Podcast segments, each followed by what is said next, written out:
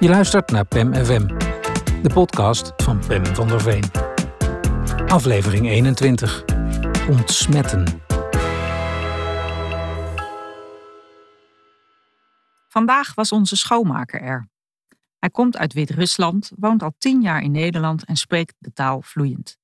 Hij is moslim, maar daar merk je verder niks van. Tenminste, tot vandaag.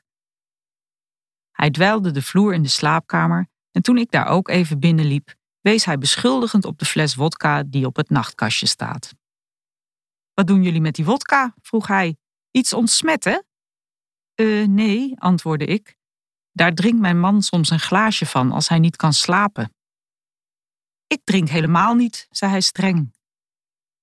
Ik keek hem aan met een begripvolle werkgeversblik. Vanwege je geloof? Ja, vanwege het geloof in mijzelf. Alcohol is giftig. Halfhartig mompelde ik, heel verstandig, en blies haastig de aftocht. Beneden werkte ik, tot mijn ergernis toch nog enigszins beschaamd, nog snel wat lege wijnflessen uit het zicht.